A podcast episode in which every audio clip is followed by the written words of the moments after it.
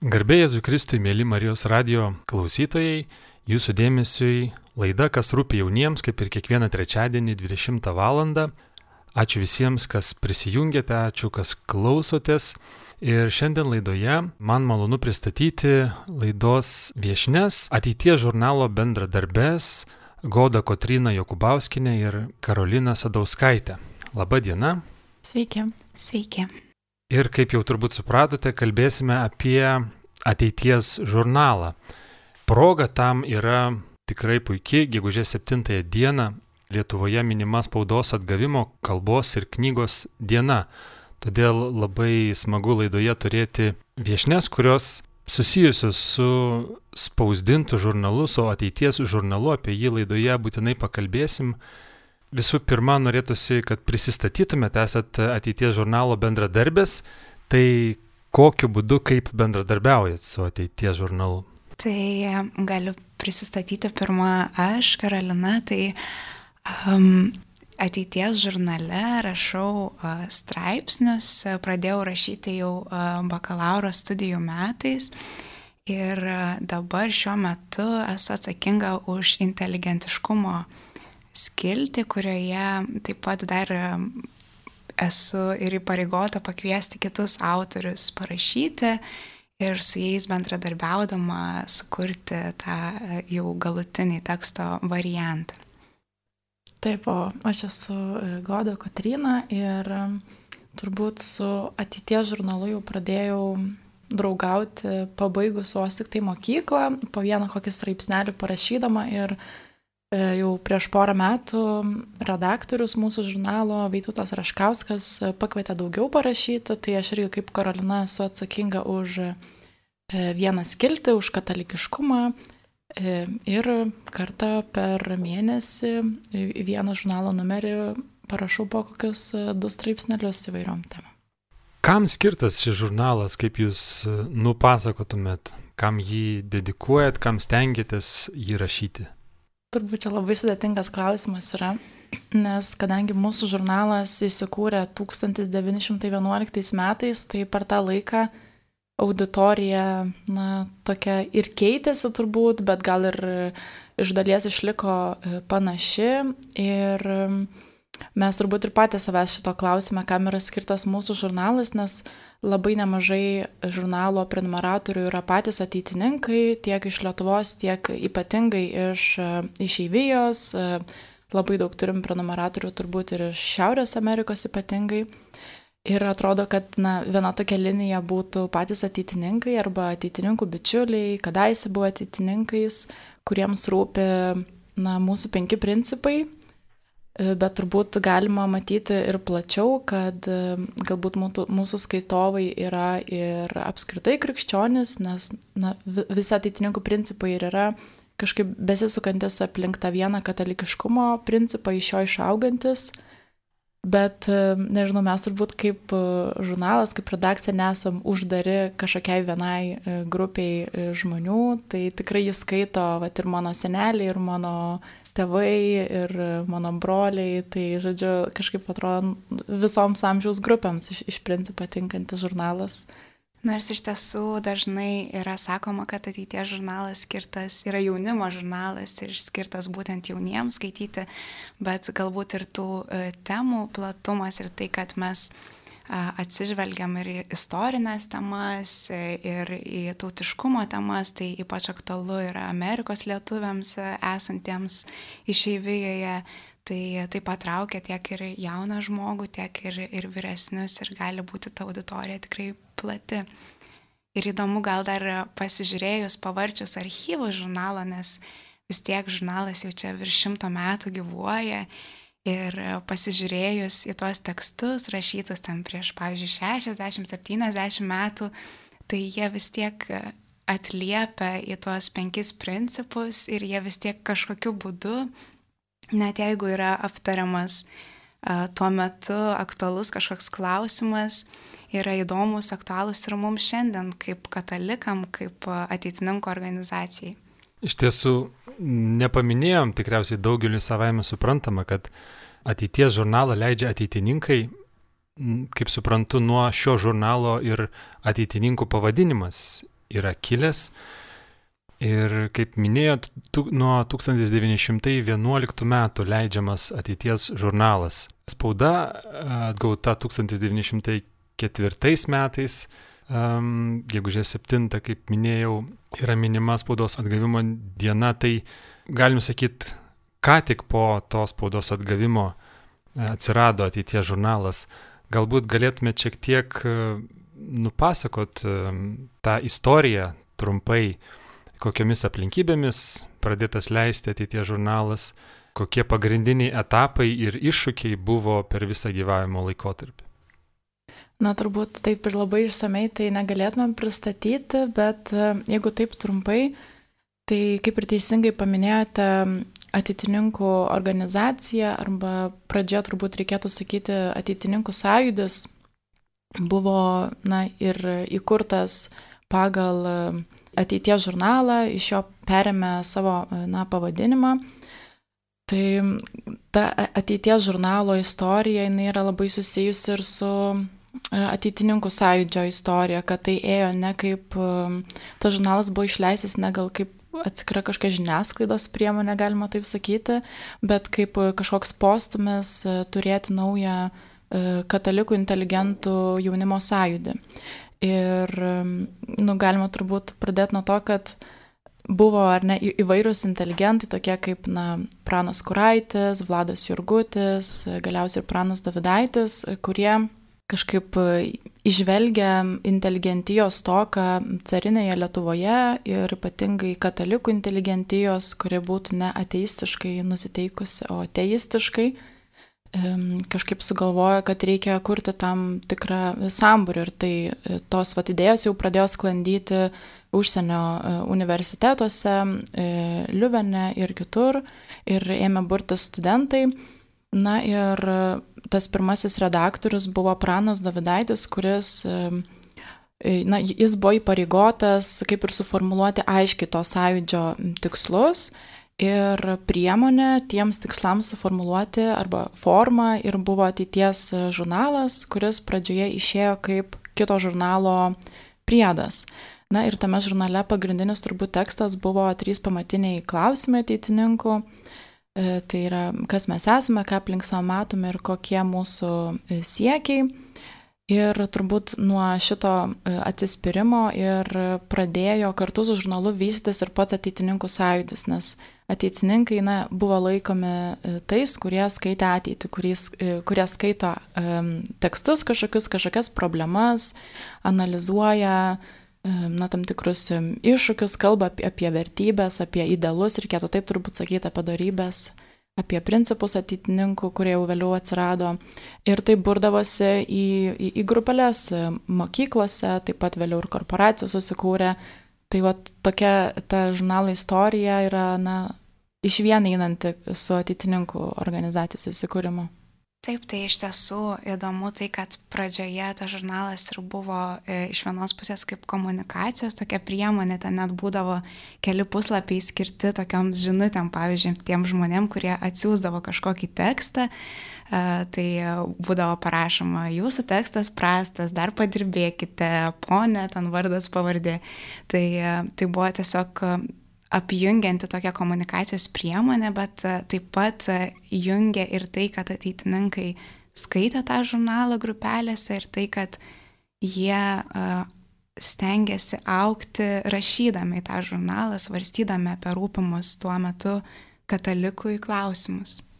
Labai įdomu, kaip sugebėjo išlikti ir kokią formą, kokiu būdu per okupacijos laikotarpį, per sovietmetį, kuris tai buvo leidžiamas, ar buvo nutrūkęs leidimas?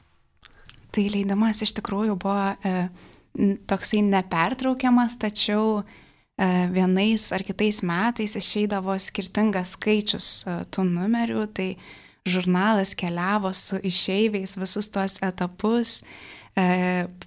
Patyrė tos kelionės, tai buvo leidžiamas ir Vokietijos e, stovyklose, ir taip pat po to jau Šiaurės Amerikoje. Ir ilgą laiką ateities žurnalas buvo ir leidžiamas ten Šiaurės Amerikoje. Tai vienais metais e, yra buvęs rodos vos vienas numeris, bet e, kiek žinau, nebuvo, kad nebūtų nei vieno. Tai galima turbūt sakyti, kad ateitininkai, kurie pasitraukė okupacijos laiku iš Lietuvos, kartu su savimi išsinešė na, globoti ir patį ateities žurnalą ir galiausiai pačią ateitininkų organizaciją. Tai nors tas žurnalas buvo pasitraukęs, bet jis iš tikrųjų buvo turbūt vienintelėse saugiausia tokiuose na, rankose, kuris galėjo klestėti ir ta žodžio laisvė galėjo būti nevaržoma. O dabar toks, koks yra žurnalas, galbūt daugelis yra laikę rankose. Žiūrėjau šiek tiek, kiek numerių pristatymų galima paskaityti jūsų tinklapyje. Tai ar tai yra kažkoks naujas etapas, Ir, ir šiaip pastanga tęsti ateities žurnalą, ar tai pirmiausia yra tradicijos paskata tęsti, yra tradicijos laikymasis, kad, kad vat, sakot, nebuvo nutrūkęs niekada leidimas. Ar vis tik tai tas e, bandymas e, kelti aktualius klausimus ir, ir tiesiog dėl jo aktualumo jis išlieka vis. Tai iš tikrųjų, man atrodo, abu šitie dalykai turėtų būti svarbus. Tai E, tiek tas tradicijos testinumas, nors dabar ateitininkai iš tiesų neveikia tuo pradiniu principu, kad mes nesusitinkam ir neskaitom žurnalą savo grupelėse, ta veikla yra dabar jau kitokia ir, ir įvairi labai, tačiau ateities žurnalas yra visą laiką šalia ateitininkų ir jame stengiamasi atliepti į tuos aktualius katalikams klausimus ir mums kaip organizacijai yra svarbu turėti tą nišą, kurioje galime svarstyti, pasisakyti ir stengiamės, kad um, tie tekstai, tie pokalbiai su žmonėmis, taip mes galim vieni kitus pažinti, galim apmastyti svarbius Lietuvai klausimus, katalikams klausimus ir stengiamės, kad jie būtų aktualūs ne tik mum, kad būtų aktualūs ir kitiems katalikam ir apskritai um, lietuviams. Aš tai irgi norėčiau gal tik tai pantrinti Karolinai ir pakcentuoti, kad iš tikrųjų mūsų na, žurnalas yra um, atviras skaitytojų ratų, jis yra toks, na, kaip ir universalus, bet jeigu pavartytumėte jį, tai visą laiką atrastumėte, kad, na, dalis ir žmonių, kurie yra kalbinami, yra ateitininkai arba yra, nežinau, pristatomas koks nors ateitininkų renginys ypatingas arba galbūt yra aptarme ateitininkų metai, tai visą laiką ta tradicija, jinai mums yra svarbi, galbūt ne dėl to paties žodžio, kad tradicija yra svarbi, bet dėl to, kad jinai mums yra svarbi kaip na, bendruomenės, galbūt bendruomeniškumo tokio e, išraiška ir tai yra na, dalis mūsų, galima taip sakyti, tas toksai namudiškumas.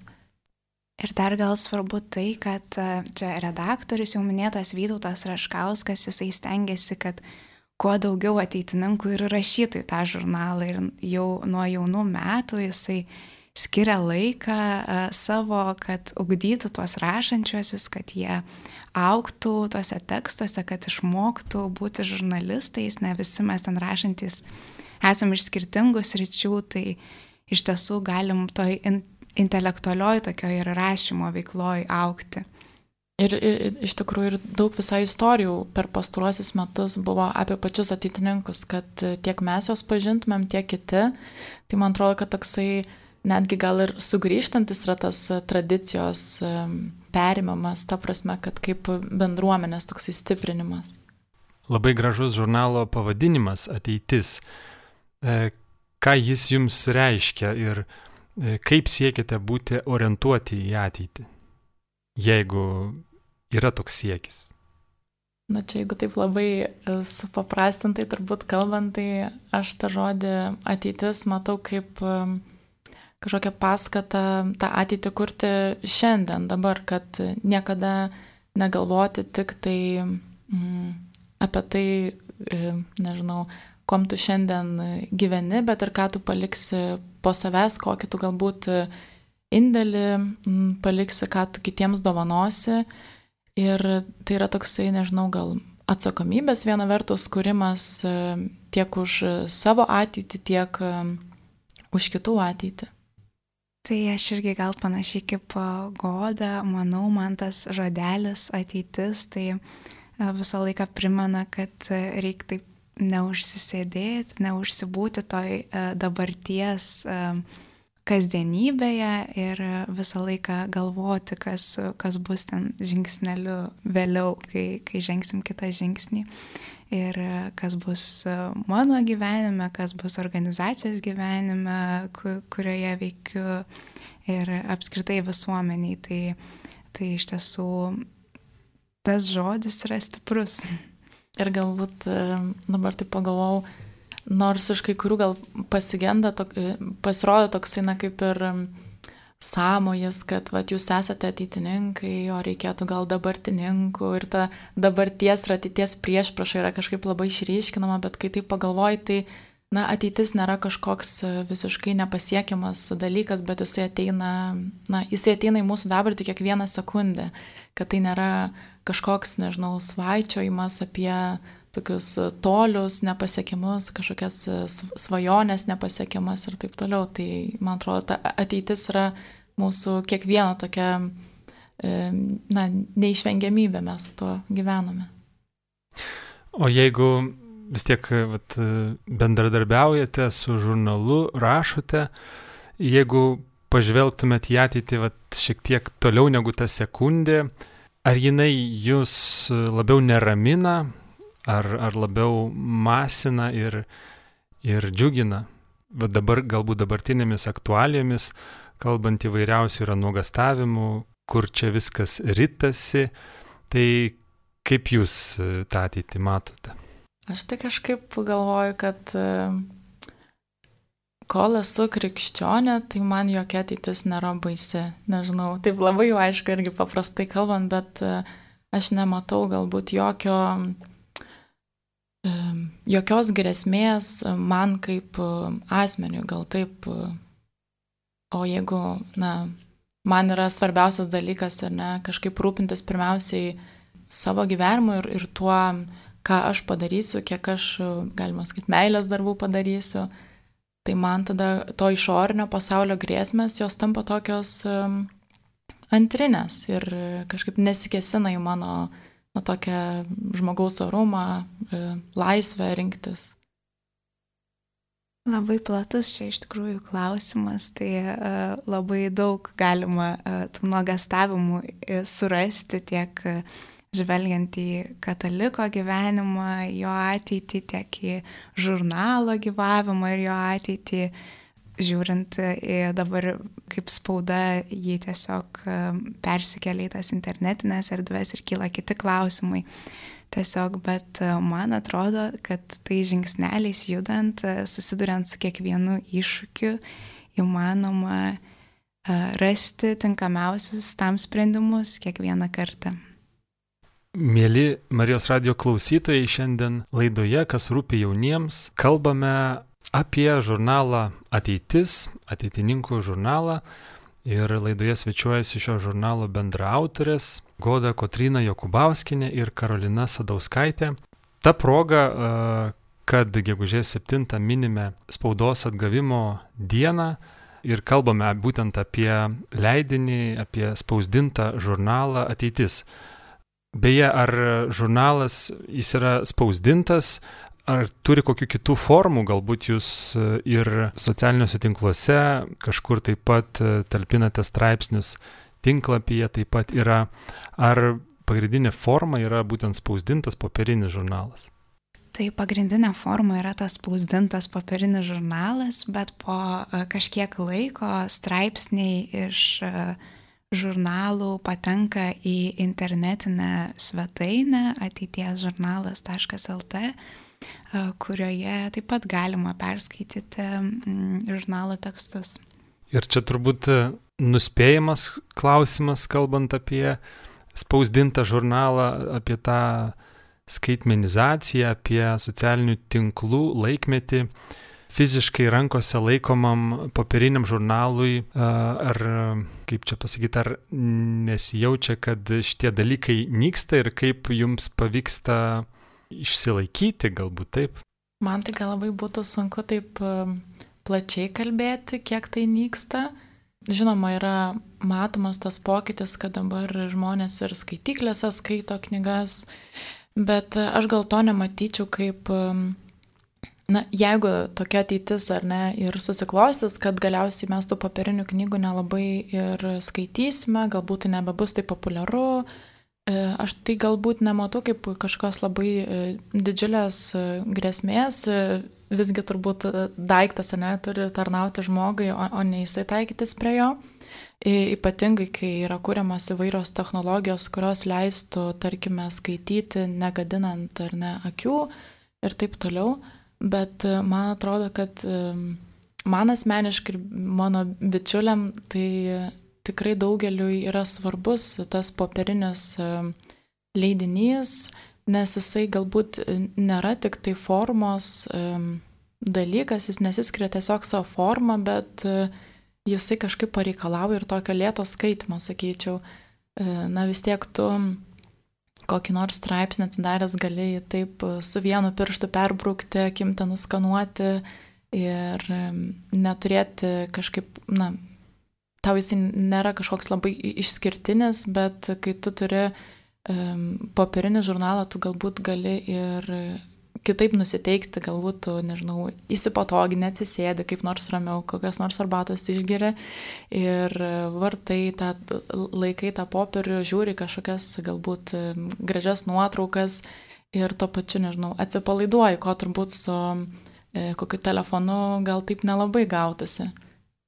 Aš pritarčiau godai, kad galbūt nieko tokio, jeigu ta forma žurnalo kažkada ir pasikeis, tai, tai tikrai prisitaikys viskas prie laiko ir um, tiesiog svarbu, kad būtų ta platforma, kurioje būtų galima rašyti ir, ir kurią būtų galima skaityti. E, tačiau man taip pat asmeniškai mane dar vis džiugina, aš skaitau žurnalus ne tik ateitį ir mane džiugina jų visas kelias iki mano namų, kai galiu juos, nežinau, kažkur įsigyti arba tiesiog gauti pašto dėžutę, labai smagu prisėsti, perversti iliustracijas, nuotraukas, tai tas žurnalas atrodo kaip toks atskiras kūrinys.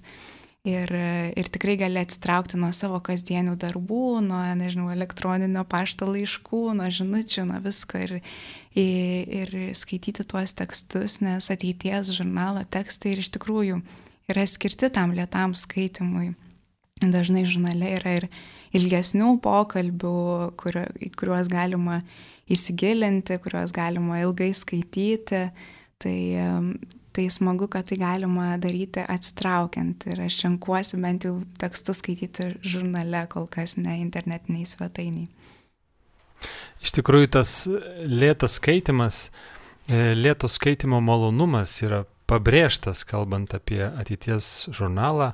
Tinklapyje radau tokią mintį, tokį sakinį, kad svarbus tas lėto skaitimo malonumas. Tai kodėl tai yra svarbu, tas lėtas skaitimas, juk dabar net vyksta greito skaitimo visokie mokymai ir šiaip e, tas lėtumas ne, nemadingas.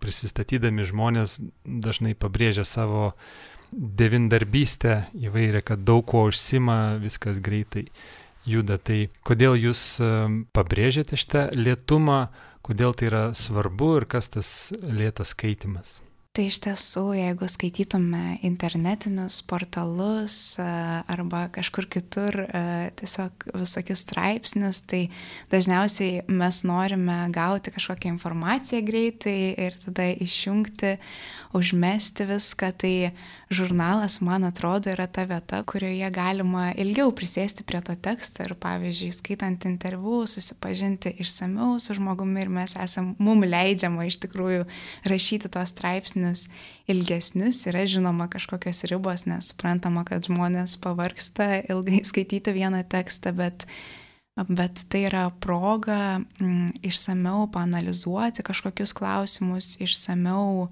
pasikalbėti su kažkokiais žmonėmis, įsigilinti į jų gyvenimą, jų veiklą ir taip pat į svarstomus, svarstomas temas. Tai tas lietumas yra toks ir, ir jis leidžia atrasti naujas kažkokias nišas, naujas temas ir įdėmiau jas pasižiūrėti. Man tai asmeniškai gal tas lėtas skaitimas, bent jau at, iš šios dienos, uh, labiausiai siejasi su poilsiu, nes turbūt, nežinau, man gal nesinorėtų taip labai, tarkim, supriešinti to lėto skaitimo ir greito skaitimo. E, pati kažkada mm, mokslams prispyrus tikrai ieškojau, kaip e, įgyventi tą greitą skaitimą, yra tikrai kursai ir tikrai nemanau, kad jie yra kažkokie, na, kvaili, nes e, tai yra tikrai tam tikra technika ir visai sudėtinga. Ar mokat greitai skaityti? Aš bandžiau, bet labai sunku, aš tikrai nemoku taip greit skaityti. Mm, būna. Nes iš tiesų jo. pripratus vienaip sunku, suprantu, kad skirtingos knygos ar skirtingi leidiniais turėtų būti gal skirtingai skaitomi, bet labai sunku persijungti, ar ne? Manau, kad tikrai sunku, bet aš kiek esu vat, bandžius, tai man atrodo, kad tas vat, greitas skaitimas, ką apie jį pabrėžia, kad jisai yra būtinas jau na, 21 amžiuje, kai viskas vyksta labai greitai, kai mes gauname labai daug informacijos iš labai daug skirtingų šaltinių, turime susigaudyti, kas yra svarbu, kas ne, ir iš mūsų reikalaujama visą laiką greitos kažkokios reakcijos, tai tokiem, bet, na, būtiniam dalykam, e, turbūt tas greitas skaitimas gal net ir yra, na, pravartus, bet e, e, kai kalbame turbūt apie polisį, apie laiką skirtą savo, sąmoningai atsiribojant nuo visų galbūt technologijų, su kuriamis esame suaugę. Tai man atrodo, čia tas lėtas skaitimas, jisai mums padeda, kaip pasakyti, išgyventi tą polisį, jam suteikia tokio, na, kokybiškumo, nes jau dabar, na, sklando tokios mintis, kad mes netgi ilsėtis nebemokame, kad nors mokame daug dirbti ir, ir daug pasiekti, bet to toksai šalutinis poveikis yra kad mes labai pavargstame ir galbūt va tos lėtos skaitimo praktikos jos padeda žmogui grįžti prie to polisio. Ir apskritai gal prie to, kad skaitimas taptų tavo polisiu, nes čia irgi gal yra kita tema, nes mes dabar turim labai daug skaityti ant studentai studijams ir po to jau vakare pasimti žurnalą ir knygą prieš miegą, tai tampa vis retesnis tikriausiai pasirinkimas. Tai mokytis to lėtojo skaitimo iš tikrųjų yra gal naudinga šitoj srity. Ja, turbūt skaitimas skaitimui nelygus yra. Vieni mm. skaitimai, kuriuos tu turi e, atlikti, nes tai yra tavo pareiga, o kiti yra skaitimai, kuriuos tu atlieki, nes galbūt e, tai yra tavo na, paties toksai pasirinkimas.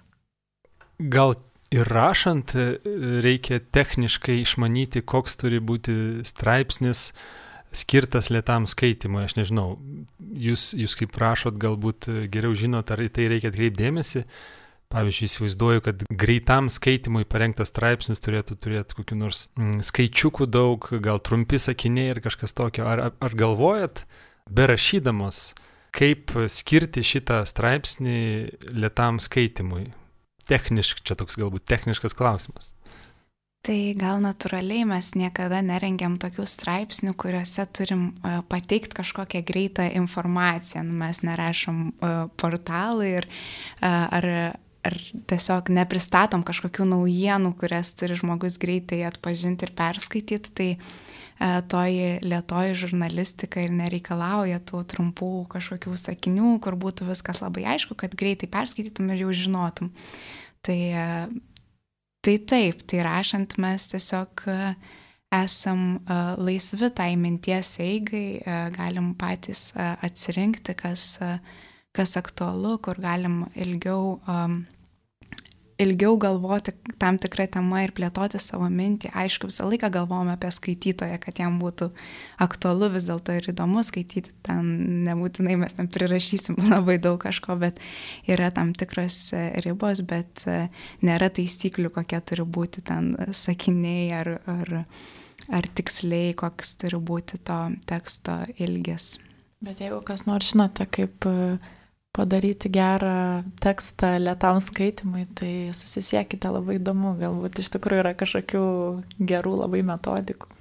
Labai labai ilgi sakiniai, kur jam suvokti reikia ilgai pasėdėti galbūt. E, dar man kas su lietu skaitimu asocijuojasi, skaitimas ne po vieną kartą.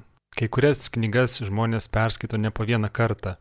Dažniausiai tai būna turbūt grožinės literatūros kūriniai, bet nebūtinai. Ar jūs skaitote ateities žurnalą vieną konkretų po kelis kartus, ar girdite žmonių, skaitytojų savo atsiliepimus, kad jie taip darytų? Ar verta perskaityti po kelis kartus ateities žurnalus?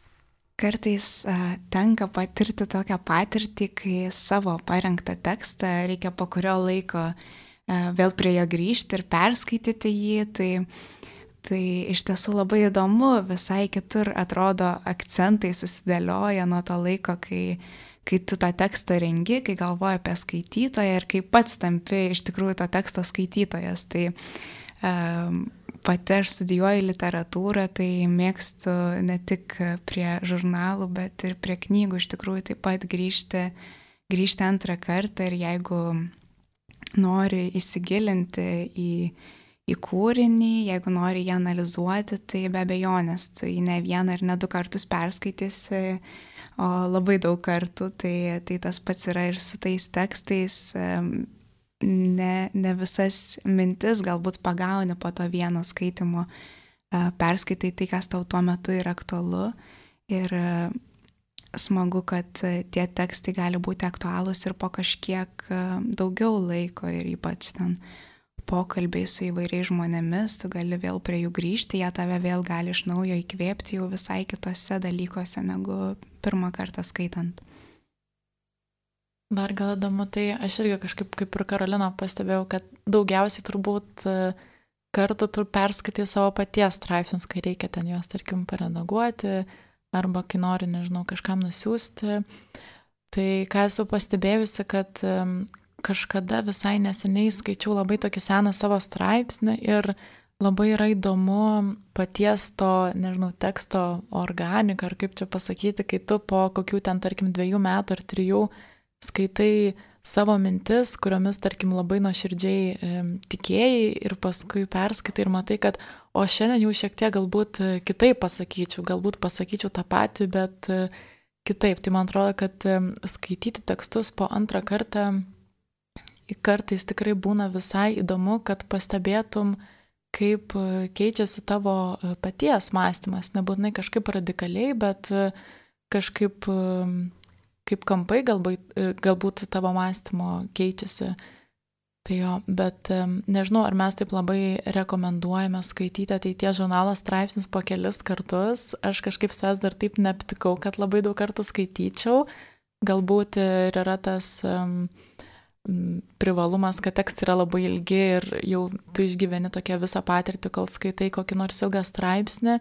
Bet pats žurnalas yra turbūt toks e, dalykas, kad tu jį ne per vieną kartą turbūt perskaitai atsisėdęs kaip kokią knygą, nes prie kiekvieno teksto tu šiek tiek apsistoji, vis tiek yra skirtingos temos, tai nėra kaip knygos e, skyriai. Tai man gal tas e, žurnale ir patinka, kad jisai visą laiką gali būti padėtas ant stalo ir kokią nors laisvą minutę tu gali atsiversti vis jau kitą straipsnį. Žurnale ateitis įkvepiančios e, lietuvių istorijos iš viso pasaulio. Tokį sakinį taip pat apibūdinantį ateities žurnalą radau. E, kas yra jūsų aprašomi herojai, apie kokius žmonės siekiate rašyti ir kodėl? Čia turbūt labai platus atsakymas gali būti. Kalbant apie šitą jūsų paminėtą ir rastą mūsų tinklapyje sakinį, Tai man asmeniškai čia yra toks kaip ir atradimas šito žurnalo ir mūsų redaktoriaus sumanimas, kad e, mes savo žurnalus kleistumėm e, žmonių istorijas, e, su jomis supažindintume skaitytojus, galbūt atrastume žmonės, kurie nėra kažkokie, nežinau, labai didelės garsenybės, galbūt iš mūsų pačių gyvenimo ateinantys žmonės ir jų istorijos, kurie, kurios, nežinau, galėtų pro tokio žmogaus paprastumą, kad kiekvienas žmogus turi ką papasakoti ir dėl to mūsų tie kalbinami žmonės yra labai įvairūs. Tai gali būti, nežinau, ir mama, tai gali būti ir koks nors rašytojas, tai gali būti ir koks nors, nežinau, režisierius, vyresnis, jaunesnis žmogus, galbūt tai yra kokios nors stovyklos vadovai, kurie dalinasi savo patirtimi, labai jauna, labai maža, bet kuriems yra labai svarbi ir jų gyvenimus, tarkim, perkeičianti. Taip, ir tada tos temos iš tikrųjų yra tokios uh, plačios ir gal kartais netikėtos, kai, su kai kuriais žmonėmis tiesiog kalbam apie, apie jų šeimą, apie tai, kaip jie sukūrė savo šeimą, kaip jiems sekasi gyventi šeimoje. Ir atrodo tie straipsniai, kurie tikrai tie pokalbiai tokie paprasti, bet kaip pastebėjau ir matydama ten mano šeimoje, ką, ką skaito ten mano mama, tai jai dažniausiai tie straipsniai ir labiausiai patinka, nes atliepia ir jos kažkokius uh, kasdienės patirtis ir jai labai smagu susipažinti su tai žmonėmis. Žinoma, taip pat mes kalbinam ir ir menininkus, ir filosofus, ir visokių tenai žmonių e, yra tame žurnale kalbintų ir kalbame ten e, jau tokiais e, galbūt rimtesniais klausimais. Tai ta įvairovė žurnale egzistuoja ir tie žmonės papuola jį tokiais va įvairiais keliais. Gal galėtumėte pristatyti žurnalo struktūrą? Jame straipsniai skirstomi ir temos kūriamos pagal ateitininkų organizacijos principus. Teisingai, tai kokie tie principai, kodėl toks sumanimas, ar jisai siekia žurnalo ištakas, nors minėjot, kad ateitininkų principai jau vėliau susiformavo, tai kodėl tokia idėja, kuri iš tiesų tikrai labai gražiai atrodo? Taip, tai ateitininkų principai yra penki - katalikiškumas, inteligentiškumas, visuomeniškumas, šeiminiškumas ir tautiškumas. Ir žurnalas e, yra padalintas į tuos penkis principus ir straipsniai yra su, sugrupuojami e, tų penkių principų pagrindu ir iš tiesų čia visa e, tokia ateitininkų organizacija stovi ant tų principų ir tai yra to, tie dalykai, kurie rūpi tam ateitininkui. Tai jam svarbu, kad jisai um, yra katalikas, čia svarbiausias dalykas ir jam svarbu kurti Lietuvą, stengtis dėl šeimos, stengtis dėl visuomenės ir taip pat aukti uh, E, inteligentiškai, tai skaityti, mąstyti, rašyti, tai kad žurnalas yra susijęs su šitom visom temom, tai man atrodo, tai lemia ir jo tokį mm, įvairumą ir tai galbūt lemia jo išskirtinumą, kad jisai skiria daug dėmesio tautiškom temom ir Lietuvos istorijai, ko galbūt mažiau galėtume rasti kitose žurnaluose tai didelis dėmesys yra skiriamas e, šioms temoms. Ir aš dar galvoju, kad, e, nu taip mastant, e, ar, tiek, ar tie principai mūsų žurnale yra tik dėl kažkokio palikimo, tradicijos, įpročio, tai aš vėl galvočiau, kad jeigu principai nebūtų aktualūs šiandien, tai turbūt mes apie juos ir nerašytumėm, apie juos nekalbėtumėm ir apskritai turbūt jais negyventumėm. Bet kadangi jie yra universalūs, tai turbūt visą laiką galima atrasti, kas juose šiandien yra aktualu ir turbūt e, net ir galbūt viena, vienas iš tikslų yra tuos principus suaktualinti, nes mes turime jų tokius ar ne aprašymus, e, kurie yra na, suformulavimus tų principų, kurie yra ateitininkų ideologijoje, kuri parašyta tarpu kariu ir kadangi neturime kažkokios atnaujintos ideologijos, tai na, turime tiesiog ieškoti šiandieną, kas yra aktualu, kalbant apie tuos principus. Laidai einant į pabaigą, mėly klausytojai, primenu, kad kalbame su ateities žurnalo bendradarbėmis apie ateities žurnalą ir norėtųsi paklausti jūsų, jau žurnalo ištakos siekia 1911 metus ir atrodo tie, kas pradėjo rašyti žurnalą, pradėjo jį leisti, turėjo svajonės ir tokio ilgo gyvavimo akivaizdoje galima turbūt sakyti, kad jos išsipildė, nors nežinau, kiek toli svajojo tie pradininkai. Ar jūs e, dabartinėje komandoje kalbat apie svajonės, kokį žurnalą norėtumėt matyti, koks jis galėtų tapti, kiek išplisti. E, tiesiog, ar svajojat ir kokios jūsų svajonės? turbūt kiekvienas gal ir individualiai pasvajoja, ir kažkaip bendrai, bet mano gal tokia viena iš svajonių yra galbūt kilus iš mano paties patirties.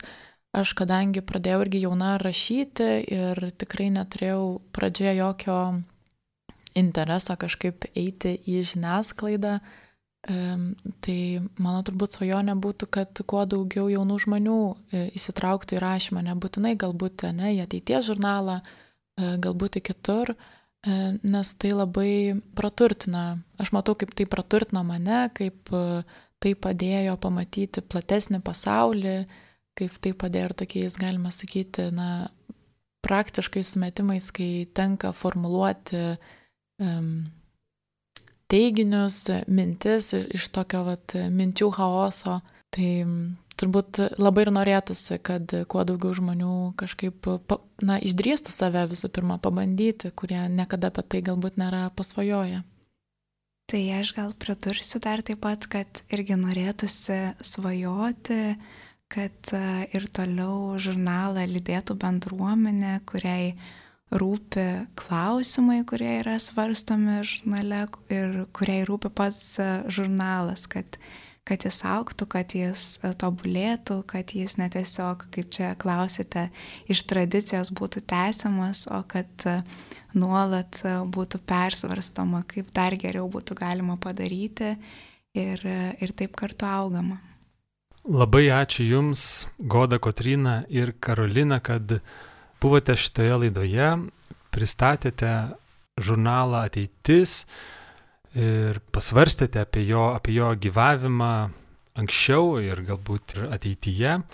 Dar galbūt klausimas visiems, kurie klausė, įdomus, kur gauti, kaip gauti, ar galima prenumeruoti, kur rasti žurnalą ir jį skaityti. Tai ateities žurnalą visų pirma galima užsiprenumeruoti. Visą informaciją rasite ateities žurnalo internetinėje svetainėje ateitiežurnalas.lt ir taip pat galima žurnalą įsigyti Vilniuje ir Kaune. Tai Vilniuje knyginė Katalikų pasaulis ir taip pat Vilniaus Švento Juozapo parapijos koplyčioje, o Kaune Švento Kazimiero knyginė. Mėly klausytojai, ačiū Jums uždėmesi, ačiū, kad klausėtės laidos kurioje svečiavosi Goda Kotrina Jokubauskinė ir Karolina Sadauskaitė. Mano vardas Rimas Macevičius. Kviečiame ir toliau likti su Marijos radiju bei skaityti ateities žurnalą. Sudie. Sudie. Visa.